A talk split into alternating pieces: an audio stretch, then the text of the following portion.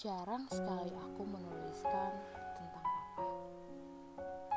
Sebagai laki pertama yang menyambut kehadiranku dengan suara ajan merdunya. Ya meskipun aku tak pernah ingat bagaimana suara ajannya waktu itu. Aku berharap aku lebih dulu pergi agar papa bisa melepasku dengan ajan persis saat aku pertama kali hadir di sini sebagai lelaki pertama yang tidak pernah memukulku. Aku hormat padanya sebagai perempuan ketiga yang ia cintai setelah ibunya dan ibuku. Sebagai lelaki pertama yang tidak pernah memberiku hadiah ulang tahun, bahkan mengucapkan selamat ulang tahun padaku. Sebagai lelaki pertama yang tidak pernah memberikanku hadiah dikala meraih peringkat satu di sekolah Ya, dibanding teman-teman lain yang membuatku cemburu ketika meraih rank kedua, tapi hadiahnya adalah sepeda. Pernah satu kali aku mengeluh diberikan hadiah. Dan bapak membelikanku tahu goreng lengkap dengan isian sayur kol di dalamnya. Hari ini saat usiaku jalan 25 tahun menuju 26, untuk pertama kalinya aku menangis sejadi-jadinya.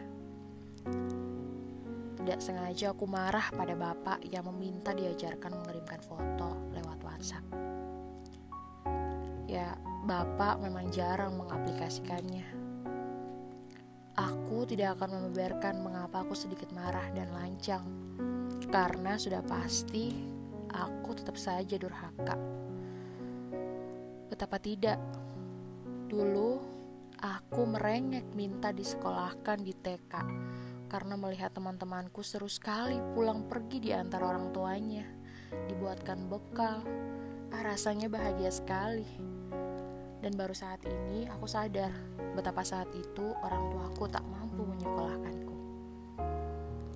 Dan bapak mulai mengajariku dengan sabar.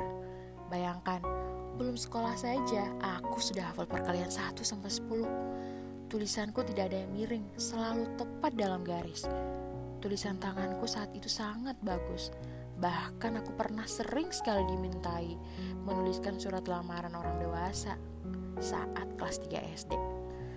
Berkat bapakku, ya, papa sangat sabar sampai membuatkan alat hitungan dari bambu.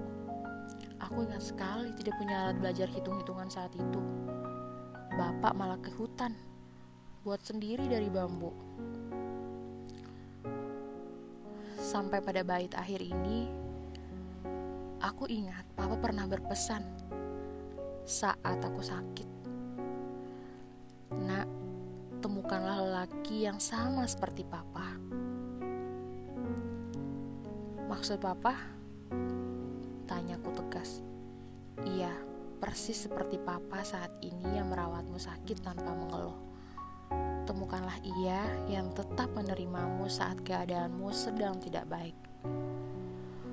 Ucapnya dengan tegas, dengan mata yang penuh dengan air. Berdosa sekali.